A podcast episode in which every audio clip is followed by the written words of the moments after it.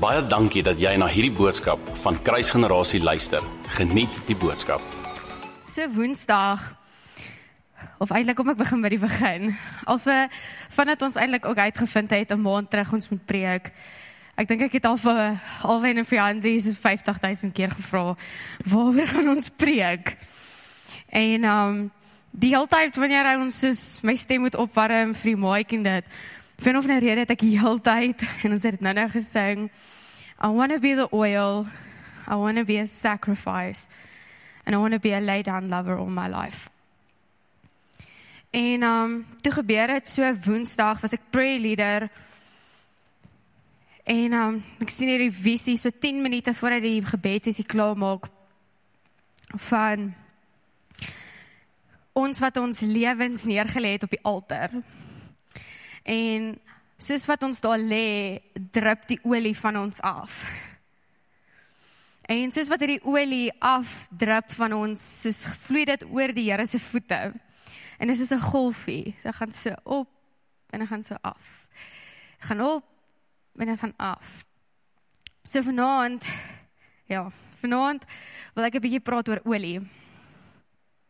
As julle julle Bybels so vir my oopmaak, en um of julle fone by 2 Kings um 4 verse 1 to 7.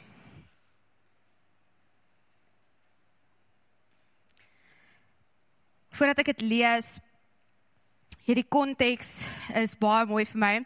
So Elijah, hy was 'n profeet gewees en hy kom by die huis aan van 'n widow en ek gaan dit nou lees en ek wil hê julle moet baie mooi oplet van die goeters wat gesê word hierso.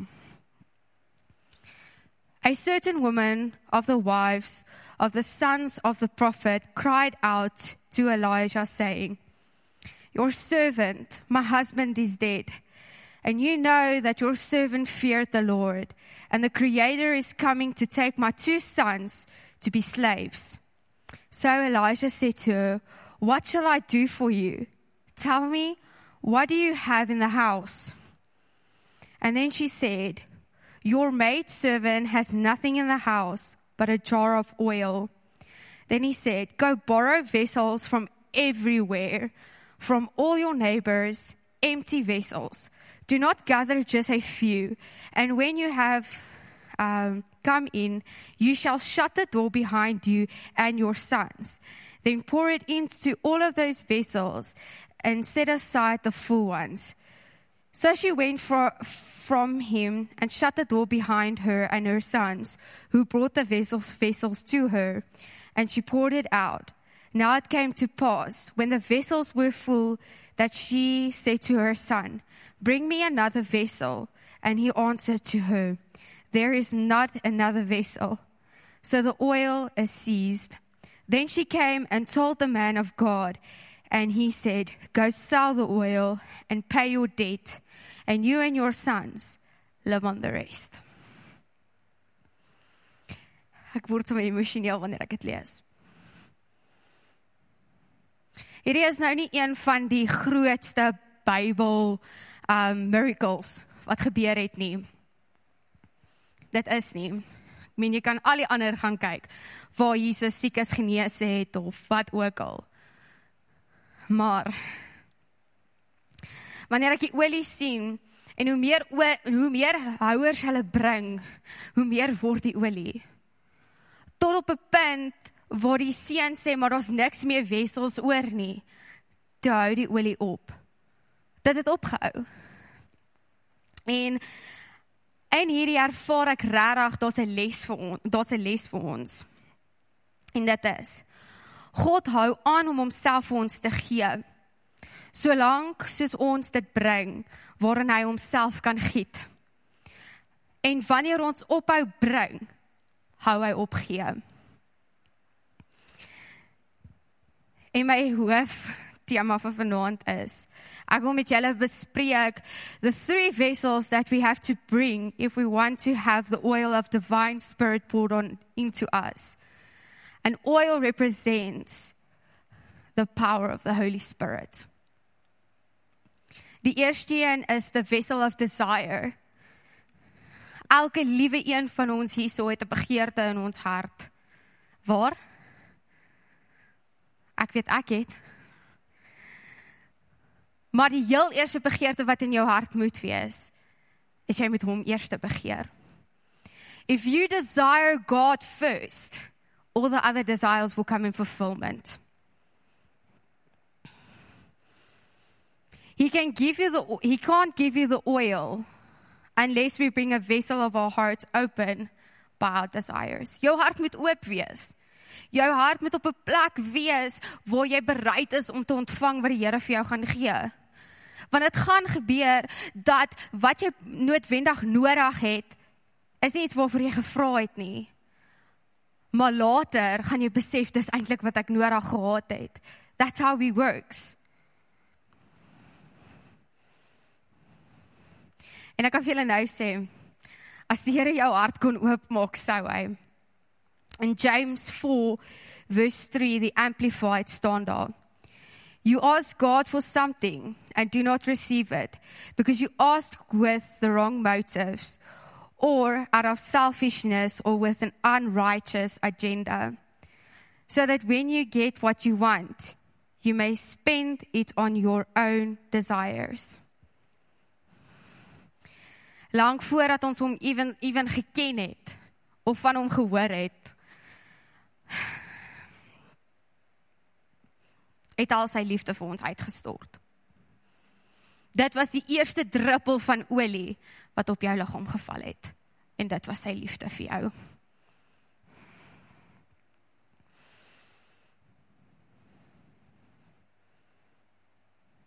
Die tweede punt wat ek wil oor praat is the vessel of expectancy.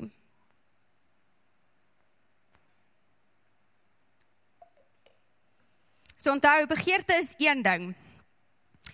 Maar selfversekering in jouself en um goed wat jy voor hoop, something that you are longing for. That's also inside of you. En dit wys net ook vir die Here hoe intentioneel jy wil met hom wees. It shows him that you are interested in what he can do in your life.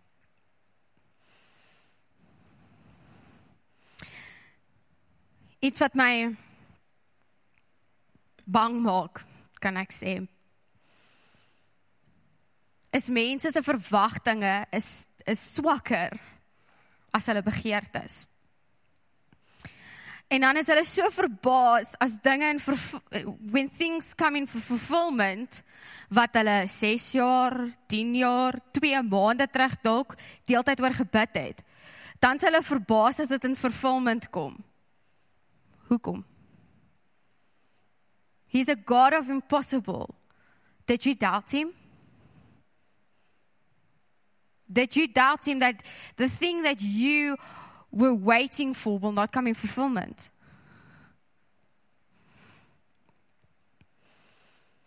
Die gedagte wat ons God verwag, ons ontvang. Dit is net 'n ander manier om te sê laat dit vir jou volgens jou geloof wees.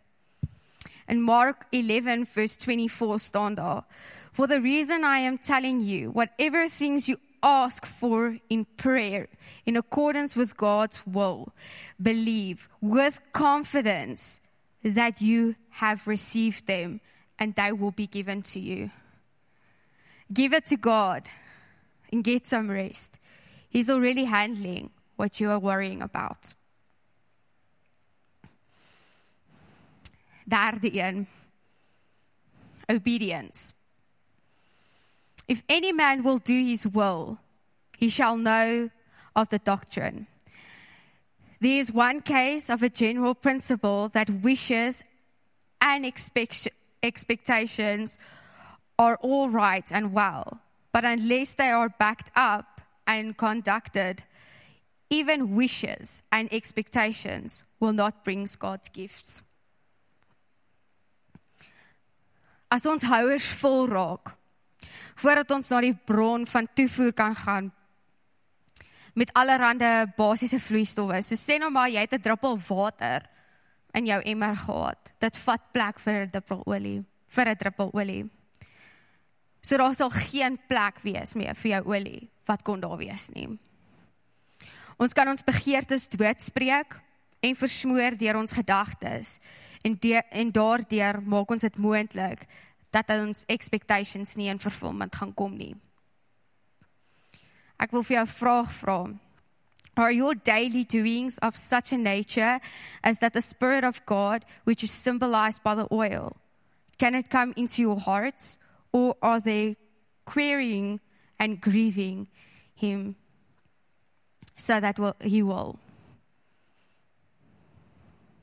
Is jou hart op 'n plek wat jy vir die Here sê ja, jy moet in my hart kom en ek nie in joune nie.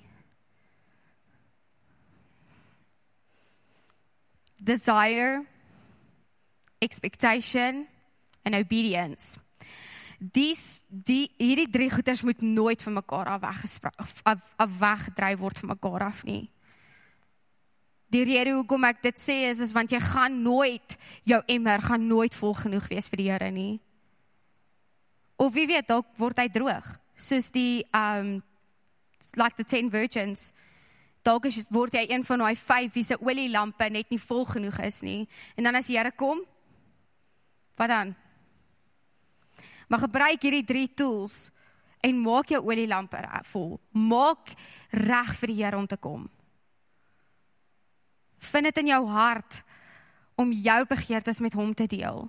Maar begeer hom eerste. Be expectant. Moenie twyfel vir 'n sekond dat die Here nie vir jou kan doen wat hy vir iemand anders kon doen nie. In obedience. Just wait. Just wait. Ek wil afsluit. En dit is van 'n baie goeie quote wat ek gelees het in die week.